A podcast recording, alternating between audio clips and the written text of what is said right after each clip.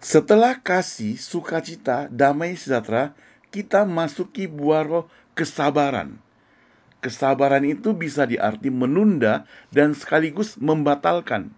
Menunda bukan berarti malas, tapi menunda di sini artinya apa yang hendak kita lakukan yang jahat kepada orang lain, kita menundanya dan sekaligus membatalkannya.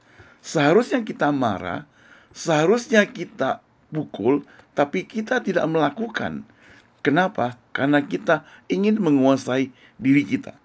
Kita ingin sabar. Kesabaran perlu pengorbanan. Kesabaran perlu korbankan waktu, korbankan tenaga, korbankan perasaan, bahkan korbankan uang.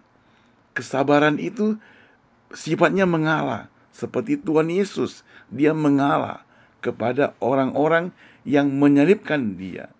Kesabaran bukan seberapa lama engkau sanggup menunggu, tapi kesabaran adalah waktu engkau menunggu apa yang engkau lakukan.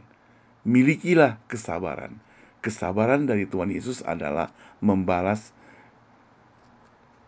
kesabaran yang dari Tuhan Yesus adalah membalas kejahatan dengan kebaikan.